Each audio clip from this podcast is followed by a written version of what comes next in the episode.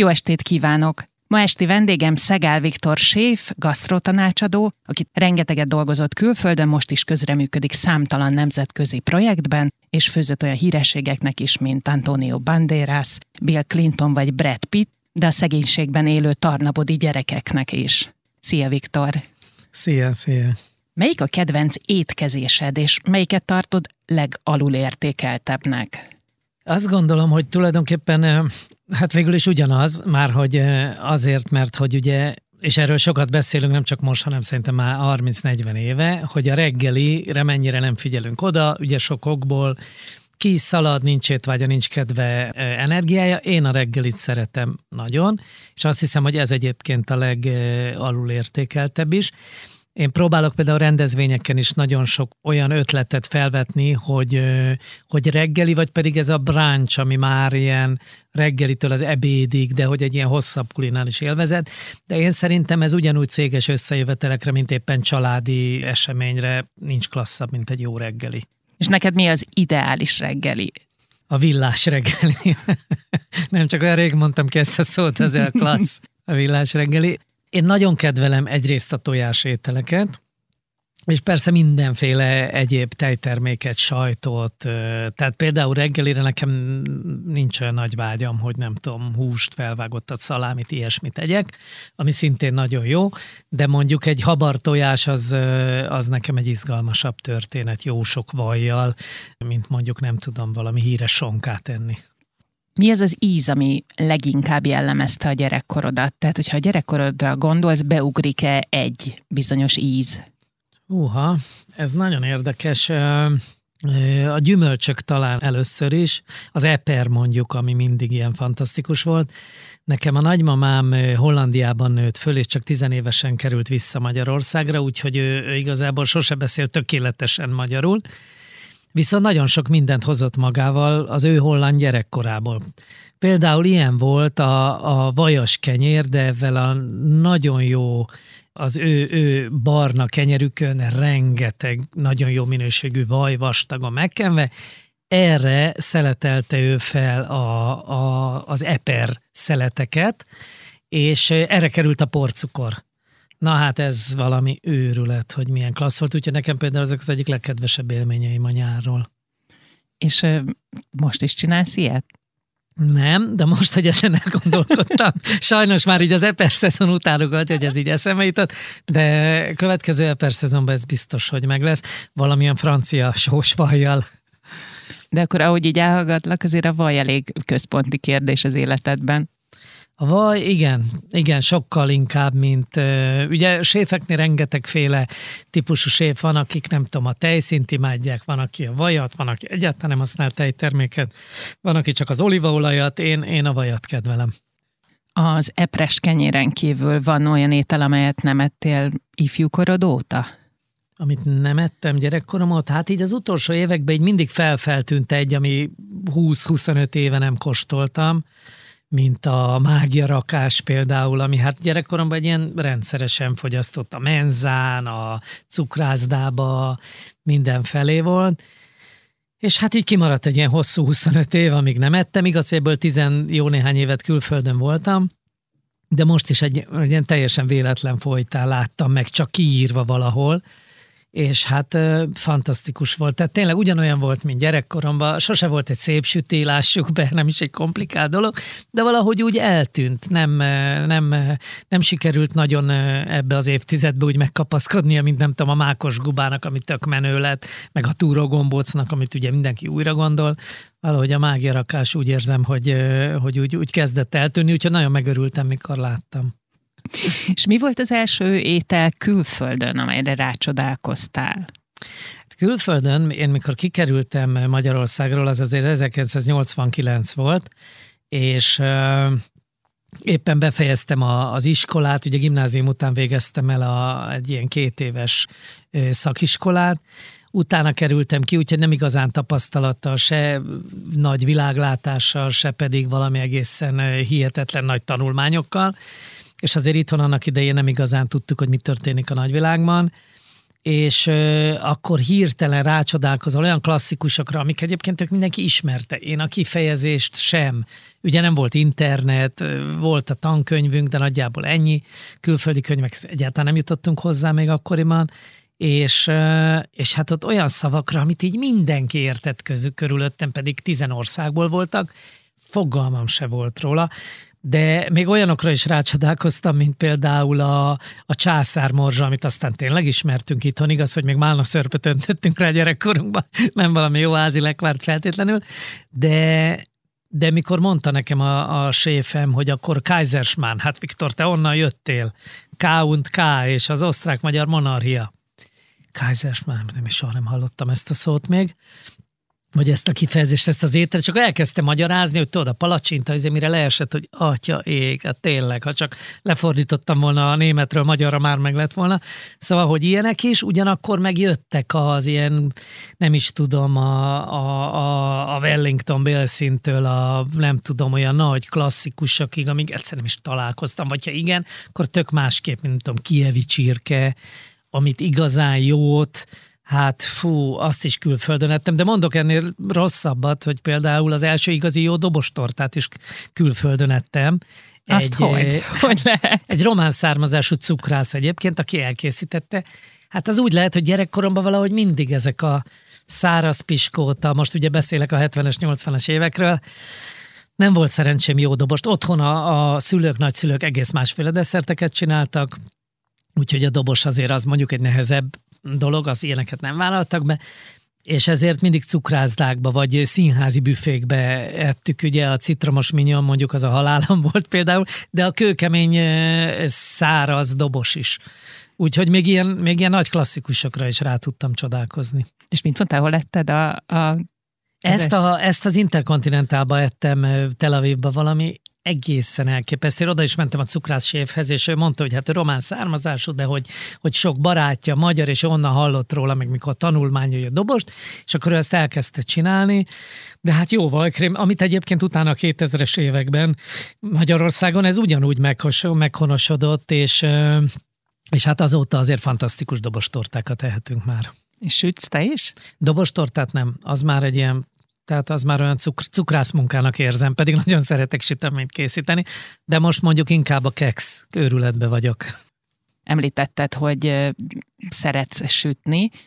Ez egy új keletű szenvedélyed, vagy ez mindig ugyanúgy a, a főzés mellett ott volt a rangsorban?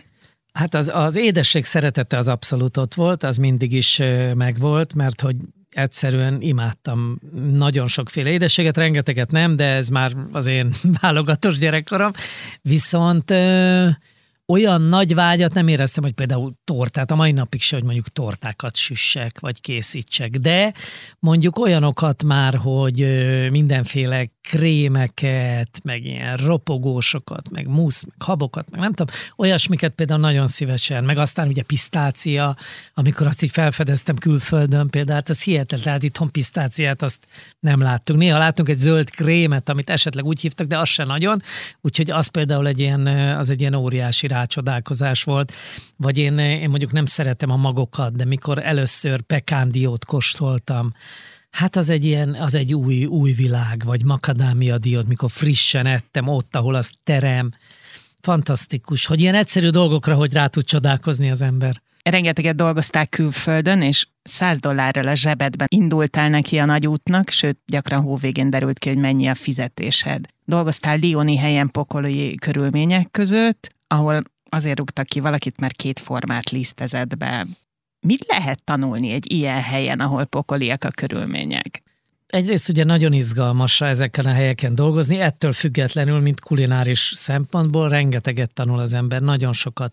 De tanul olyan dolgokat is, ami nem feltétlen a recept, a technológia, a konyha felépítése, a, tehát nem feltétlen ez, hanem azt, hogy, hogy te vajon milyen milyen vezető leszel. Én, amikor oda kerültem, akkor én alattam már már 70-80, sőt 100 fő is dolgozott. Tehát én vezetőként kerültem oda, így a ranglétra aljára, és így nézve ugye egészen más, mint amikor fiatalon koromban szintén ugyanebbe a pozícióba voltam. És más is, mikor az ember önként megy oda persze tanulni. De az tény, hogy megtanultam, hogy, vagy megértettem azt, hogy, hogy van egy út, ez a fajta út, ami tényleg a, a, a piramis, ahogy fel van építve, mint egy katonaságban, ez egy terror. Másrésztről meg ott megérti az ember azt, hogy ilyen akar, és úgy érzi, hogy ez az út, amiben ő felnőtt, és én ebben nőttem fel, én ezt láttam.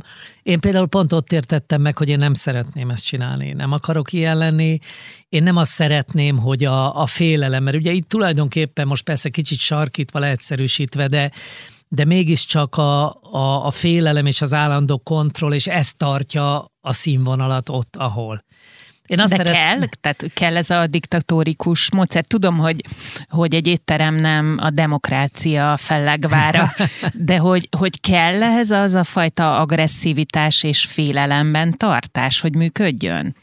Én azt gondolom, hogy egyáltalán nem kell, és a mostani világban ugye azért már így a Covid előtt is érezni lehetett, de a mai világban pedig most, különösen a, a Covid között vége felé, nem tudom.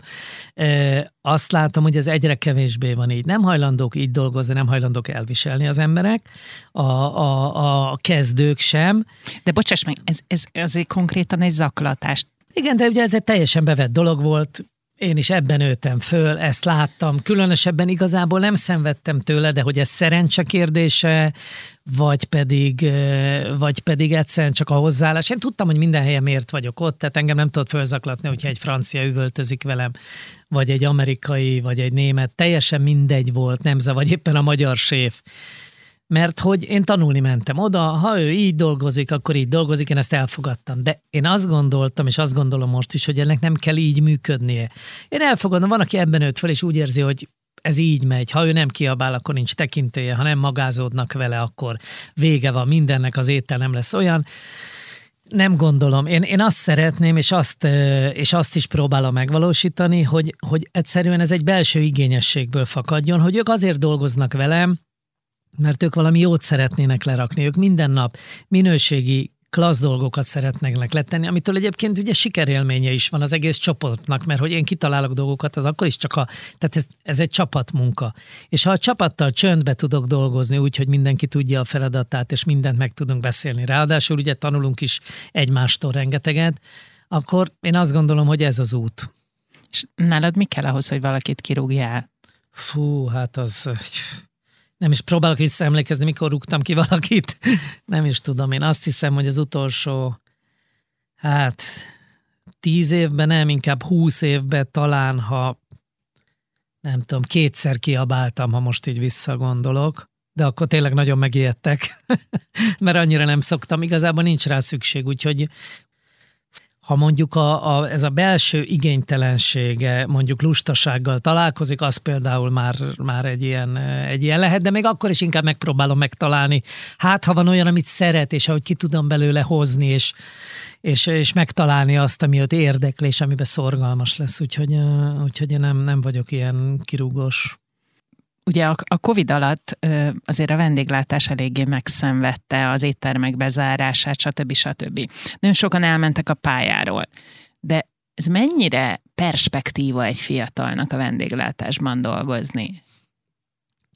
A vendéglátásban dolgozni az, az hihetetlen nagy perspektíva. Tehát én azt gondolom, hogy ez pont az a szakma, amit egyrészt a kezdetettől fogva megfizetnek, tehát itt egy, egy, egy iskolából kikerült ö, szakács is már ö, nagyon komoly fizetéseket ö, keres. Tehát egy 10-12 évet ö, tanult, ö, végzett orvos, az mondjuk kb. a fele fizetéssel kezdi, mint egy ö, mondjuk néhány hónapos szakácsiskola elvégzése után az első munkahelyén egy szakács.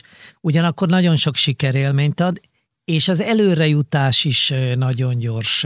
Én, én nagyon sokat találkozom fiatalokkal, segítek, főz, közös főzéseket tartunk, a Budapesti Gazdasági Egyetemen tartok rendszeresen órákat, sőt közös főzéseket is.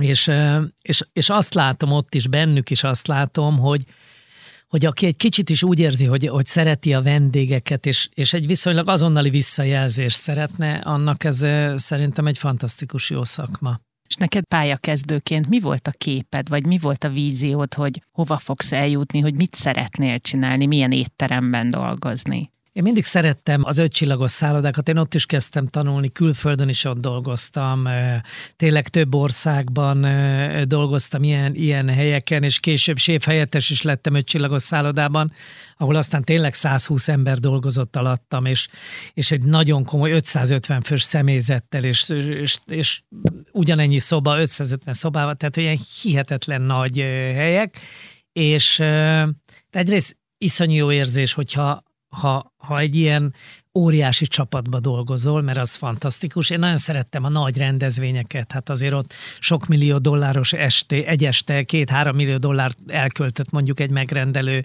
tehát ilyen fantasztikus estéket, de ebben sem a csillogás részeként, amiből mi egyébként valójában nem is láttunk sokat, hanem az egy ilyen ez egy óriási apparátus, amit meg kell tervezni, kivitelezni, nagyon sok emberrel dolgozunk, 40-en a konyhán, 200 felszolgálóval, szóval ez egy ilyen hihetetlen adrenalin löket egy ilyen rendezvény, és hát nem kell mondjam, hogy micsoda sikerélmény mondjuk egy ilyen rendezvény után hazamenni. Hosszú évekig dolgoztál Izraelben. Mi az, ami abból az időszakból megmaradt a fogásaidon? Egyrészt azt gondolom, hogy ez is változik, hogy mikor, mit, mi, vagy, vagy mikor mi az, amit éppen úgy érzek, hogy, hogy most aktuális azokból az évekből. De az a fajta lazaság és nem túl gondolása egy jó alapanyagnak, az például mindenképpen onnan onnan, de például ugyanilyen a, a padlizsánnak a, a, a szeretete, és nagyon sok olyan mediterrán zöldség, ami gyümölcs, amivel dolgoztam, és nagyon-nagyon-nagyon szerettem a, a mai napig. De nem használtál előtte padlizsánt?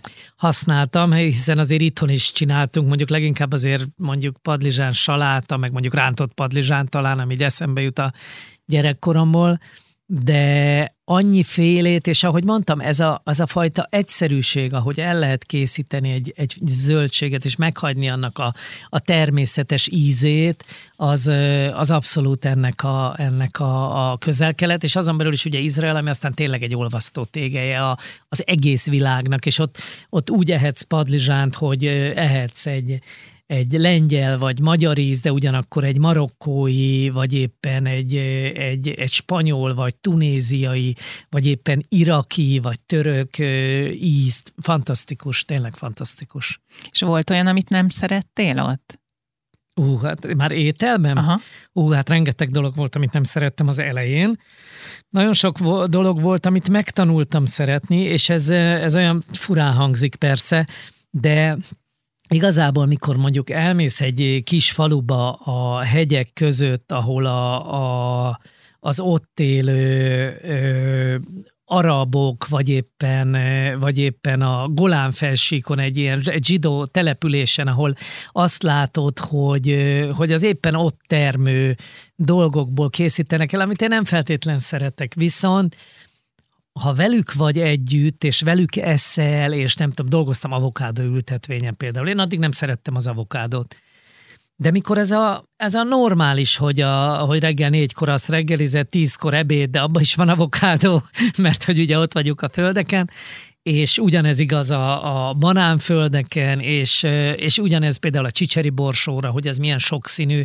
Pedig én mikor először találkoztam a, a humusszal, ugye a csicseri borsó krémmel, Hát mit mondjak, azért az, mondjuk mikor nagyon kellett, akkor inkább úgy ettem, ami már szórtak bárányhúst, meg babot, meg jó sok olívaolajat, citromlevet, és aztán felfedezed ezeket a zöldségeket, ehhez viszont nagyon kellett az a millió és az a, az a környezet, és hogy olyanokkal leszel, akik generációk óta ezeken az alapanyagokon élnek. De mit csináltál egy avokádó földön? Egy avokádó földön? Hát ö, tulajdonképpen ilyen kirándulásszerű volt, de a lényeg, hogy végül így ott maradtam, de hát ez általában lányokhoz szokott kapcsolódni, hogy, hogy miért marad az ember egy avokátó földön. Szóval, hogy, hogy ott így, így, így ragadtam ott. Meg hát nagyon izgalmas, én rengeteget kirándultam, és tényleg bejártam az egész országot, és azt gondolom, hogy sok helynél jóval jobban ismerem az országot, pont a kíváncsiságból fakadóan elmentem olyan kibucokba, ugye ilyen kis falukba, ahol például vegán mindenki, és, és akkor rengeteg vega helyre jártunk, és azért mondjuk vegetáriánus, nem beszélve a vegán, de még a vegetáriánus is mondjuk 25-6 éve azért az nem volt egy ilyen nagyon köztudott vagy ismert dolog, és például én ott fedeztem föl, hogy azért a hús az nem annyira fontos, mint ahogy, ahogy mi azt gondoljuk az életünknek, nem kéne, hogy ilyen szerves része legyen. De te el tudsz szakadni tőle? Én el tudok szakadni tőle, de, de, de nem vagyok se vegetáriánus, se vegán, de hogyha nekem hiányzik a hús, hogy nem eszem napokig, vagy akár hetekig, egyáltalán nem. A művészetek mennyire hatnak a konyhádra? Inspirál-e műtár, színházi előadás, zene? Nagyon is, a zene is, én, én mindig szerettem volna úgy például könyvet kiadni, hogy ahhoz legyen legalább zenei ajánlás, hogy mi kéne, de nekem a főzéshez is, is nagyon fontos. Otthon a konyhában, ott ott nem, ott szeretem, hogyha csönd van, azaz, hogy csak a szükséges, ezért a konyha nem egy csöndes hely, oda nem hiányzik a, a háttérzaj. De otthon, ott, ott viszont igen, tehát ott, hú, hát van, hogy nagyon sokáig tart, tehát hogy ilyen aránytalanul sok időt töltök a zene kiválasztásával, ahhoz képest, hogy mennyi ideig fogok főzni. Volt olyan, hogy Prokofjev egyik művére komponáltál egy ételt, vagy nem Volt, tudom, Színyei Mersének a, a festménye megihletett, és készítettél belőle egy ragyogó süteményt. Érdekes, hogy a, a festmények jobban, igen, egyébként, a klasszikus zenével, az, ami szintén egyébként nagyon inspiráló, avval a leghosszabb, vagy hát ilyen munkakapcsolat tulajdonképpen a, a, a Panam Filharmonikusokkal volt, akikkel a műpában az egész évi, ugye minden évszakban egy-egy koncertjükhöz, az éppen aktuális koncerthez készítettem el ételt, ami hát engem ihletett meg, és ilyen pici pohárba, és az aztán ott a 1200 fős nézőközönségnek így a szünetbe oda is adtam. Ami ugye egyrészt fantasztikus inspiráló, másrészt, hogyha belegondolsz, hogy ott állsz kint, akkor egyszer csak kinyílik az ajtó, és kitódul 1200 ember, aki ugye meghallgatta ugyanazt, mint én, és akkor, akkor megkóstolják, hogy ehhez képest ők erről mit gondolnak. Azért így utólag is visszagondolva, azért ez egy bátor, bátor dolognak érzem. De, de nagyon-nagyon szerettem, nagyon-nagyon-nagyon nagyon jó volt. Festményekkel gyakrabban, meg egyébként akár regények is és meg sok jó ötletet ad, és hát írókkal is szoktam sokat beszélgetni, akik azért írnak erről, nem keveset, és, és hát mindig... Mi, miről írnak a Hát a gasztronómiát valahogy mindig belekeverik. Most legutóbb Kerékgyártó Istvánnal beszéltem pont, nem tudom, hogy, hogy ismered, de hát neki van, vannak fantasztikus leírásai, szinte már ilyen krúdi-szerűen, de, de hát ugye Cserna Szabó András Dragomáról, ugye Gyuriról meg nem is beszélve. Szóval, hogy, hogy ő bennük is lát, tehát azt mikor így elolvasod, úgy, úgy érzed, hogy ki az, aki azért úgy szeret enni, akár ért is hozzá, vagy éppen lehet, hogy nem ért hozzá, csak mondjuk baromi jól tud pörköltet csinálni, ami nem kis dolog egyébként. Felesége Demese Erdély, az ő otthonról hozott fűzés kultúrája mennyire hatott a tiedre? Ú, hát ugye a kezdetekben nem nagyon mert főzni egyáltalán, mikor megismerkedtünk, akkor ő úgy érezte, hogy ő soha nem fog főzni. Aztán főzött, de csak öt év múlva kérdezte meg, hogy de tényleg íz lett? És tényleg íz lett? És igen, íz lett, természetesen, de de mikor kérdezte, hogy de mennyire, de hogy, meg biztosan, és mondom, hát öt éve volt, hát ha olyan rossz lett volna, emlékeznék jobban, de mondom, talán tényleg, hogy most mondod, a krumpli az egy kicsit sós volt, és akkor látom, hogy néz rám, de nem, nem, nem, alapvetően nagyon jó volt. Nagyon jó volt, és én különben hálás vendég is vagyok, tehát én imádok, és nagyon sokat járunk is Erdélybe, és, és a, a szülei fantasztikusan főznek mind a ketten különben, és az, az hatott abszolút, nagyon is hatott rám, és én azért gyerekkoromban is jártam a havasokban, rengeteget túráztunk Erdélyben, úgyhogy azért én, én ismertem az erdélyi konyhát, sőt az erdélyi paraszt konyhát, meg a, a románoknak is, a, az Erdélyben élő románoknak is a, az ételeit. Tehát a, nem tudom, a csorba és a gulyásnak nagyon sok fajtáját, hogy hogy csinálja egy román, egy magyar, egy erdélyi magyar, mert hogy ezek ugye tényleg teljesen mások, sőt Erdélyen belül is mondjuk Nagybánya, vagy éppen eh, Gyergyóban azért másképp készül eh, nagyon sok minden. De fantasztikus látni, hogy ők, náluk nem maradt ki ez sok-sok év úgy, hogy nem használják azokat a fűszernövényeket, amit mi itt most Budapesten ugye, vagy Magyarországon újra felfedezünk, vagy még mindig nem ismerünk, a lestyánt, a csombort, ez nekik egy teljesen hétköznapi dolog volt, vagy hogy csak egy nagyon egyszerű dolgot mondjak, a tejföl, ami aztán mióta mi együtt élünk, most fel volt 30 éve, azért a tejföl nélkül, tehát olyan nincs, hogy tejföl ne legyen otthon jó tejföl. Tehát az azért az erdély konyhának egy fontos része. Ugyanakkor például a paprika kevésbé, ahogy régen a magyar konyhában sem volt ott. Szóval sok, Mármint sokat a piros adott. paprika? A piros paprika. És mennyiben főzöl más, hogy otthon, mint egy étteremben, azon túl, hogy kisebbek az adagok? Tulajdonképpen nem sokban, hogyha így belegondolok. Ugye a Covid alatt a nagy leállási pár hónapban ott őrület volt, tehát akkor tényleg ilyen fine dining volt, napi öt étkezéssel a család minden tagja külön kapta a, a, hogy ő hogy szereti, hogy csípőssel, kolbásszal, kolbász nélkül, vegetáriánus, mind, minden, egyfajta ételnek is volt négy verziója. Rakott krumpli nem volt, csak gratenburgonya, ugye aki nem tudja, hogy az nem mondjuk négy-öt réteg krumpli van, hanem hajszálvékonya leszetel, leszeletelve 15-20, de abba is tettem háromféle krumplit, az édes burgonya, meg a lila burgonya, és akkor befollalva, kakukkfűvel, meg, meg, meg fokhagymával, de annak is az egyik fele az csípet, a másikban volt kolozsvári szalon, a harmadik részében volt a kolbász, a negyedikbe a nagyobb lányomnak az meg csak, csak, csak így mindenféle húsak nélkül, szóval, hogy ilyen őrület, őrület volt. Úgyhogy én tulajdonképpen ilyen napi 10-12 órát így a konyhába voltam, kb. így, így az első két hónapban, aztán már könyörögtek a gyerekeim, hogy lehetnénk normális családapa, és rendeljünk mi is, legalább egyszer, valamit. úgyhogy, úgyhogy, de egyébként alapvetően ugyanúgy főzök, még csak azt sem mondom, hogy gyorsabban egyébként, mert hogy otthon azért lassabb főzni, megterhelőbb, nekem fárasztóbb. Miért? Mint az étteremben. Hát egyrészt ugye nincsen megpucolva a hagyma, a harmadik vágódeszka után már nincsen negyedik, és ugye közben nincs elmosva minden, szóval vannak ilyen, ilyen technológiai problémáim, hogy nem elég gyorsan dolgoznak a kezem alá. Tehát emiatt is lassabban megy, meg hát azért kevésebb a hely, általában nem dolgozom így ennyire előre, bár egyébként igyekszem, úgyhogy a gyerekekkel azért mi néhány napra előre tudjuk, mikor bevásárolunk, hogy mit szeretnének enni, vagy éppen én mit szeretnék enni, és akkor olyat főzünk, úgyhogy, úgyhogy klassz, és hát rengeteg ilyen hirtelen felindulásból, a, tudom, most nemrég még hoztak én fantasztikus éretfügét, 20 kilót, este tízkor így letették a ház előtt, hogy akkor csináljak már ebből valamit, akkor hajnali kettőig gyorsan fügelekvár készítés volt, szóval, hogy én otthon is nyitott vagyok, mondjuk így. És ma mit főzöl?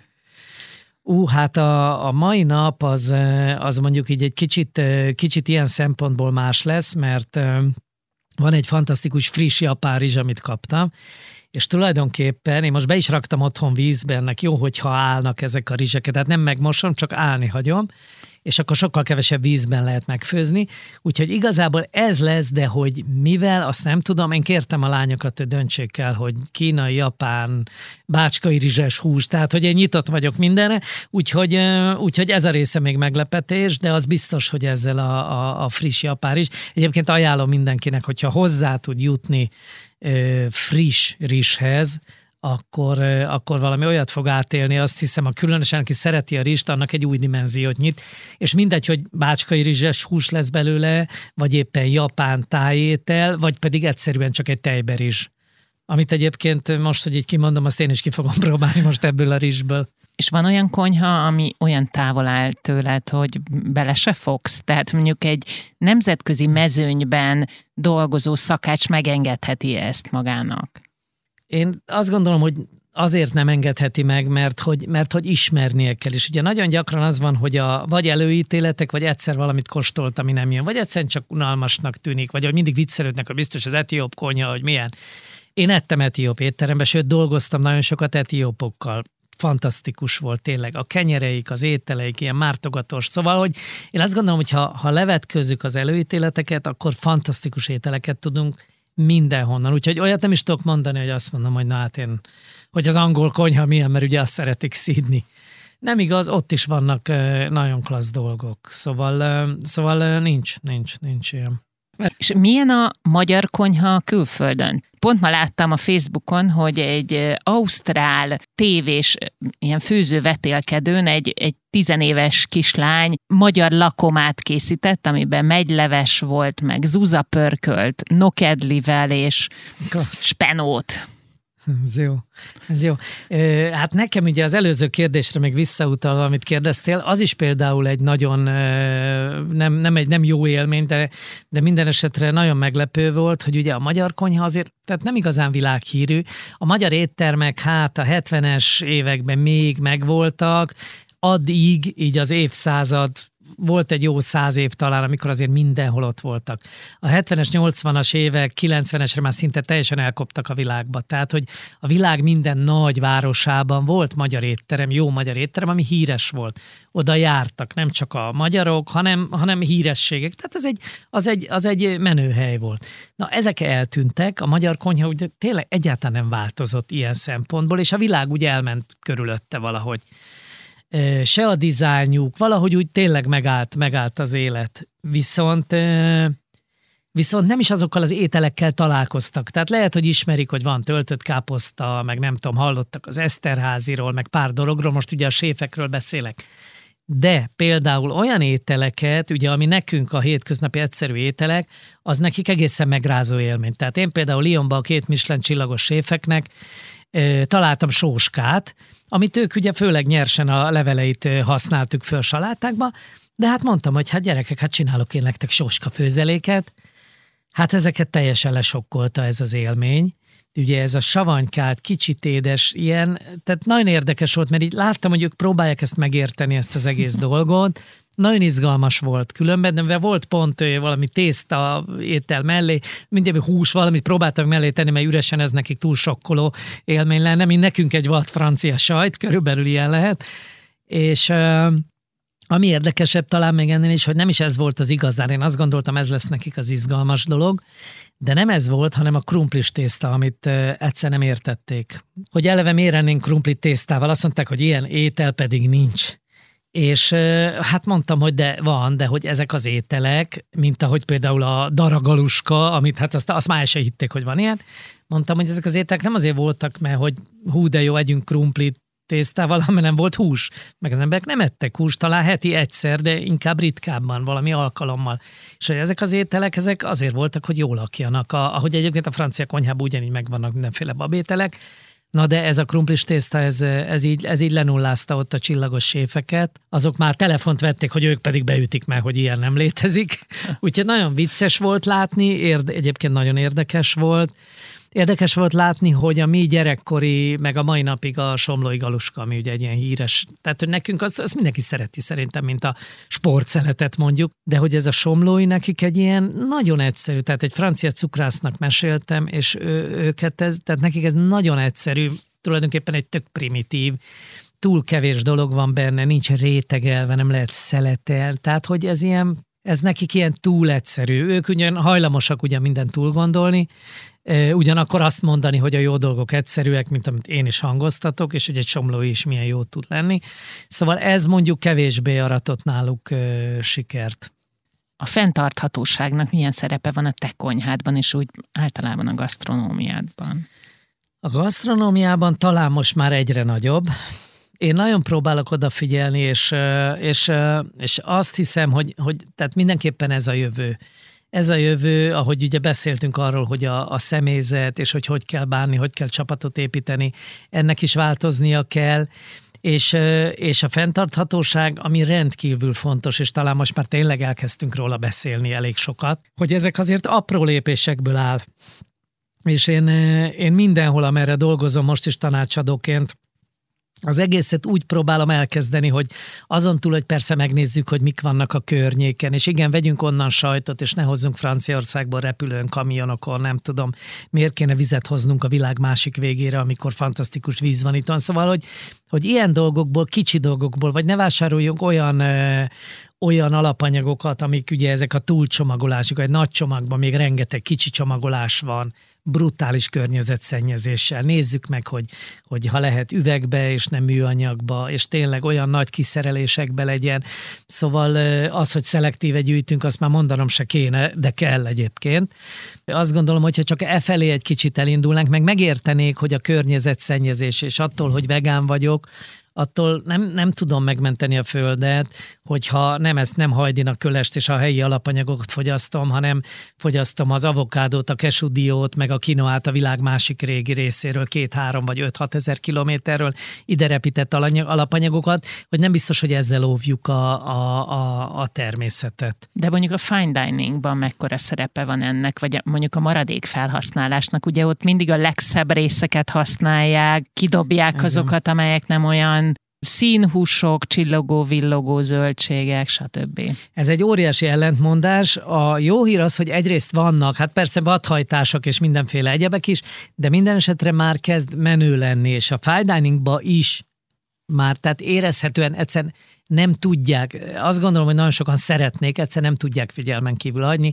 Van olyan fine dining étterem, amelyik közölte is, hogy ő csak maradékokból főz és mert hogy egyébként a fine dining ennek a szöges ellentéte. Tehát én is dolgoztam olyan étteremben, ahol egy tonhalnak a, a húsának is csak a közepét vágtuk ki gyönyörű háromszög alakra, és akkor mondtam, hogy de hát a többit föl lehetne aztán erre, arra.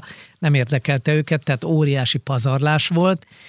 Ez azt gondolom, hogy változik, meg változnia is kell. Úgyhogy én, én nagyon remélem, hogy négy-öt éven belül már nagyon másképp fogjuk látni az éttermeket. Csak ez egy ellentmondás, mert hogy ugyanakkor a vásárló, tehát az a vendég, aki oda megy, és iszonyú pénzeket fizet, az csak a legjobbból is a legjobbat szeretné. Úgyhogy, úgyhogy nem tudom, hogy ez a, a, az anyagi megfontolások, a környezetvédelem, a vendégek, szóval nem lesz egyszerű. De volt olyan, mikor te csak maradékokból főztél valamilyen Hát hogy? Mármint éttermekbe egy olyan menüt állítottál össze, amihez csak a maradékokat használtad. Így van, nem is, nem is kevésszer, és ennek több oka van. Egyrészt ugye a maradék kifejezés, ha ugye pontosítjuk, az úgy néz ki, hogy ha nem tudom, van bélszín, és kivágtunk egy gyönyörű Chateaubriand óriási bélszín szeletet, mert az kellett mondjuk a, az egyik estére, akkor a maradék bélszínből még lett szelet, és abból lett egy másik étel, a lehullóból meg lett valamilyen előétel, vagy épp egy salátába, vagy valami ázsiai étel készült, és ugyanígy a zöldségeknél, és egyébként pedig érdekes mondani, hogy például pont Franciaországban, ahol aztán a fine dining tényleg a csúcson pörög, borzasztóan odafigyelnek arra, és sokkal kevesebb szemetet termelnek, mint mondjuk a világ más részén egy ugyanilyen drága étterembe, mert amiből már azt mondjuk, hogy nem lehet semmit, és én viccesen egyszer kérdeztem is a séfet, mondom, na jó, most már tényleg mindent felhasználtunk, mi van ezzel?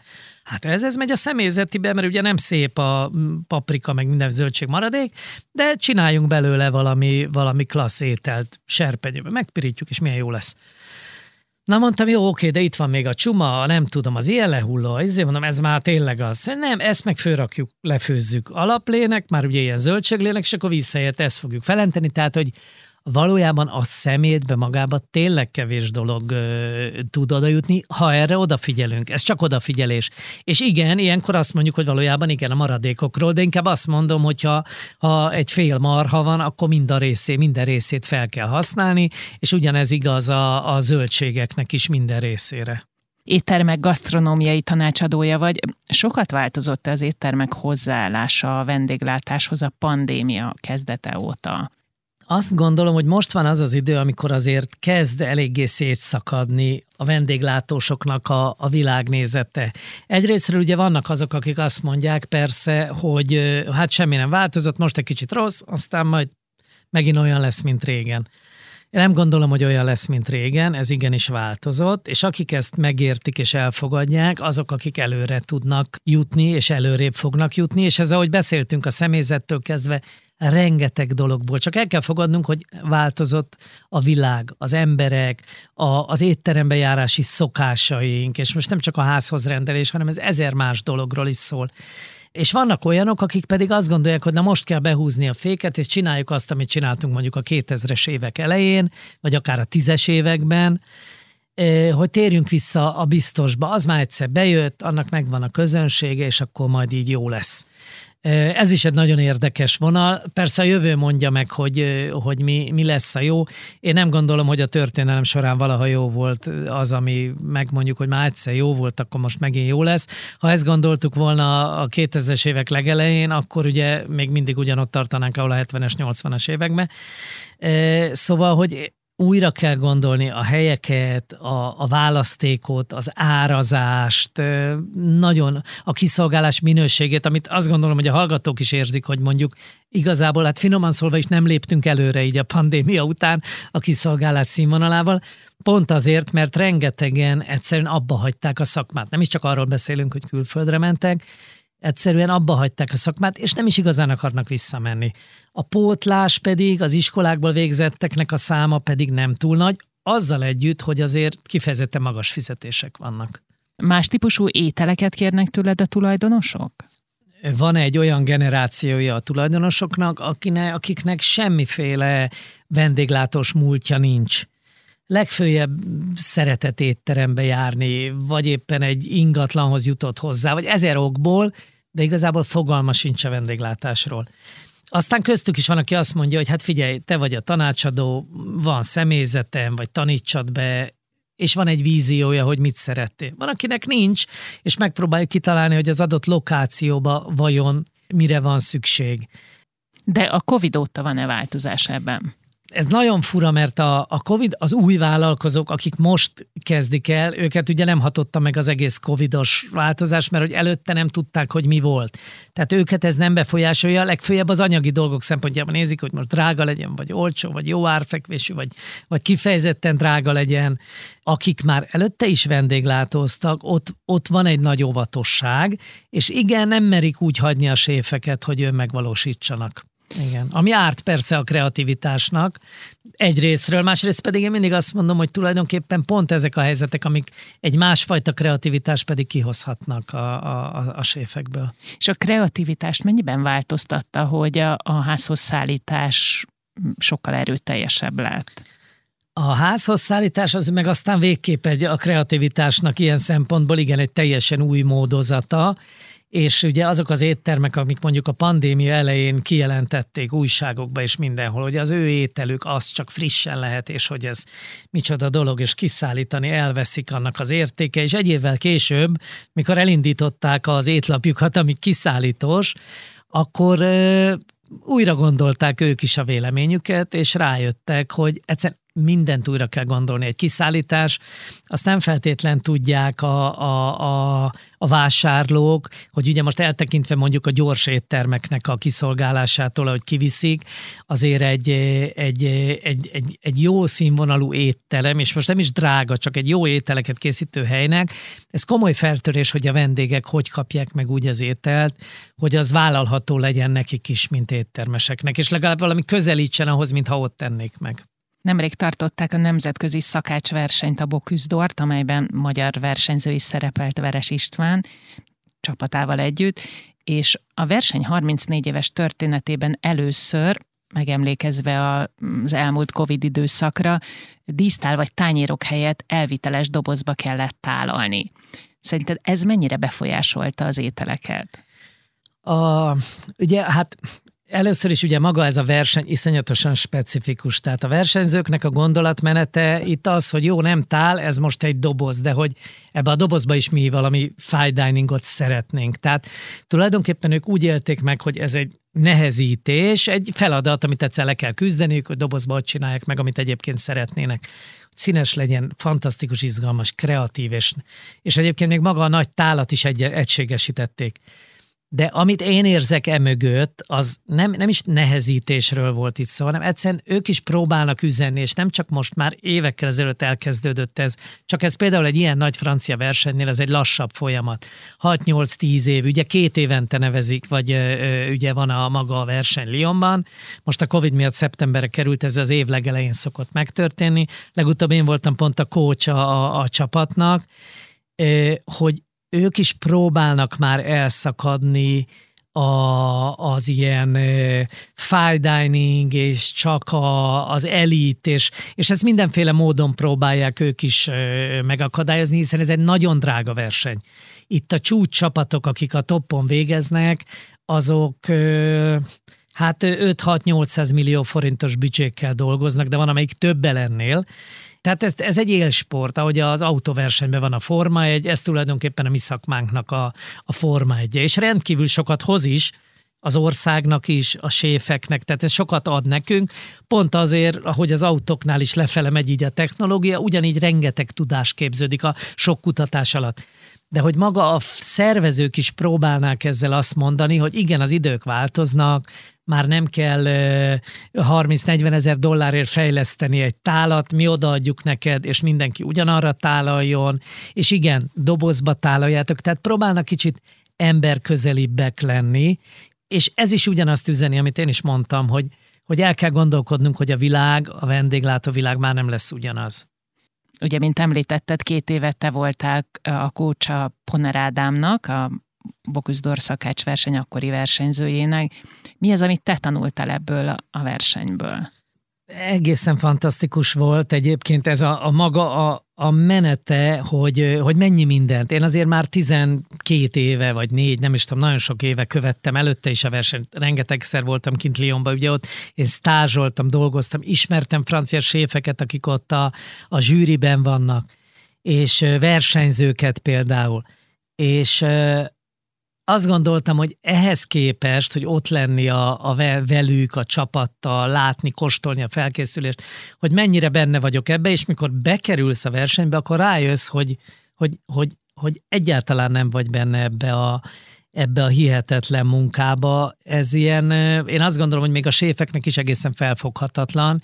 Maga a stressz faktora, de az is, hogy mennyire profin kell hozzáállni. Azért külföldi norvég séfekkel dolgoztunk együtt. Az, hogy mondjuk egy-másfél hónapot töltünk azzal, hogy egy zöldségen gondolkodunk, az valami fantasztikus, hogy mennyire kitisztítja az elmédet, és mennyire fókuszálsz. Nagyon-nagyon sokat tanultam ebből, nagyon-nagyon-nagyon-nagyon izgalmas volt, és egy nagyon jó kapcsolat is maradt közöttünk is. Egyébként pont tegnap este még beszélgettünk, ugye így a verseny kapcsán eh, pont Ádámmal. Eh, szóval nagyon-nagyon sokat adott a, általában a gasztronómiáról, meg a versenyzésnek erről a módjáról hihetetlen az az erőfeszítés, amit beleteszi egy, egy, egy csapat. Most ugye 60 valahány csapat indul el, és oda kerül 24, és ebből a 11 kettedik, harmadiknak lenni, 24-nek is fantasztikus kijutni Lyonba, de tulajdonképpen bármilyen helyezéssel, de főleg így szerintem az egy óriási dolog. Te mennyire szeretsz versenyezni? Egyáltalán nem. Egyébként egyáltalán nem. Sosem voltam ilyen, e, ilyen versenyzőrült. Ezért is csodáltam, hogy miért, hogy miért vállalom el ezt a, a, a, ezt a felkérést. De, de nagyon izgatott mindig ezt a világot belülről látni és mikor ebbe belekerülsz, akkor rájössz, hogy nem lehet másképp versenyet. Tehát ha nem győzni akarsz és dobogón állni, akkor, akkor az egésznek nincs értelme. És, és tényleg akkor megérted a, az autóversenyzőket, a sportolókat, a Paraolimpia pont egy, egy, egy nagyon kedves olimpikon, aki most jött haza, és érmeket nyert. Itt fantasztikus volt, és vele beszélgettem, hogy, hogy egyszerűen őrület, de hogy én, én most még jobban felnézek rájuk, és tényleg látom, hogy ezt a hihetetlen munkát, amit bele, beletesznek, fantasztikus. 11. helyezett lett a magyar csapat, első három a francia, dán és a norvég.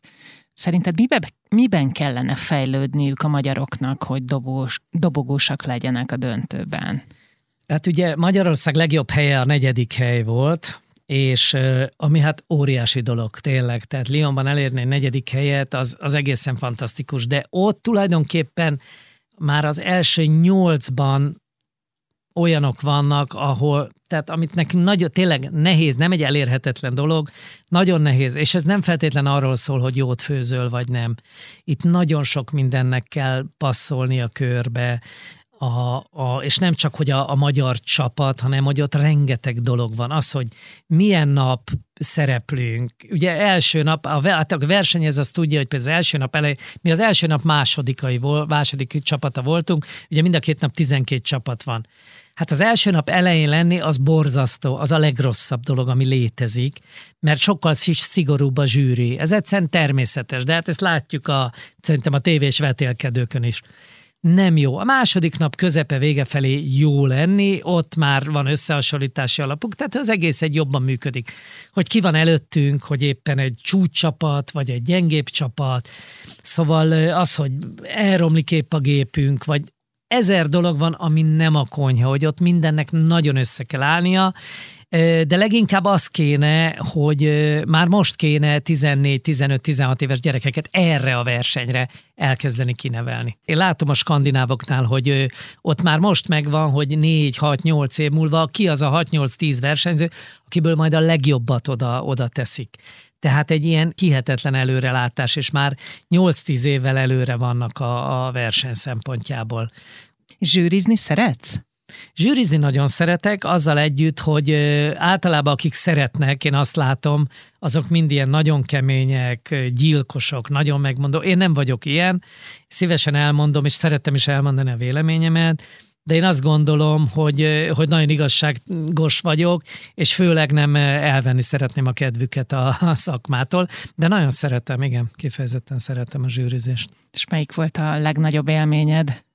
Tulajdonképpen ugye egyrészt nagyon érdekes, mert a zsűrizés maga nagyon fura, és sokszor csodálkoznak is, hogy miért mondom azt, hogy mondjuk egy amatőr főzőversenyen jobbakat eszem, mint mondjuk a Boküzdör döntőjében mert hogy ott óriási bakik tudnak történni, és hogyha valaki végignéz egy közvetítést, akkor látja, hogy a séfek itt diszkréten elfordulnak, és így egy szalvétába kiköpik az ételt, mert ehetetlen. Tehát a, a bakuszdoron simán megvan az, hogy vannak ételek, amiket nem tudnak megenni, olyan rosszul sikerült. Azért ez egy átlagos versenyeken, ez például nagyon ritka de például éttermek tesztelésénél is az is egy ilyen nagyon nehéz, az mondjuk egy sokkal hálátlanabb feladat, de, de versenyen egyrészt klassz látni, én nagyon szeretem, mert nagyon lelkesek, nagyon sokan jönnek, és pont a fiataloknál ugyanúgy, mint a, mint a gyakorlat séfeknél. Szóval nekem ez mindig egy nagyon jó érzés látni a, a, a séfeket, a szakácsokat, hogy tényleg szívüket, lelküket beleteszik egy, egy ilyen munkába, és tegyük hozzá, hogy a munkaidejéken kívül magánszorgalomból iszonyatos hosszú heteket készülnek amikor amatőrökkel zsűriztél. Volt olyan étel, ami, amivel még sose találkoztál korábban?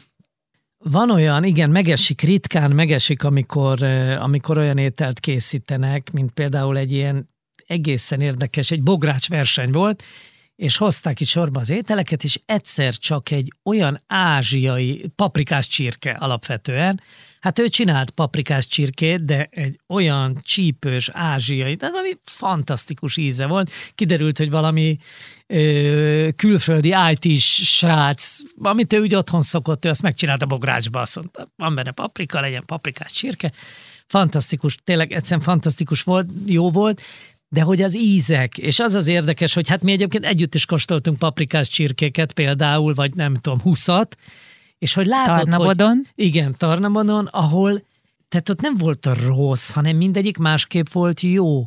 És hogyha azt mondod, hogy nokedli, hát abból is milyen fantasztikusak voltak. Tehát pont ezek a teljesen egyszerű, tényleg, ahogy ő otthon szokta a családnak megcsinálta, és itt tényleg igaz volt, hogy ugyanabból a faluból, hogy ahány ház, annyi szokás, ez pont ilyen volt. Úgyhogy, úgyhogy ott nem ettél rosszat, és ezért mondom, hogy egy nemzetközi versenyen meg meg ott meg sok, sok rosszat tudsz enni. Köszönöm, Viktor. Én köszönöm. Köszönöm, hogy velünk tartottak. Búcsúzik a műsorvezető Szemere Katalin. Viszont hallásra!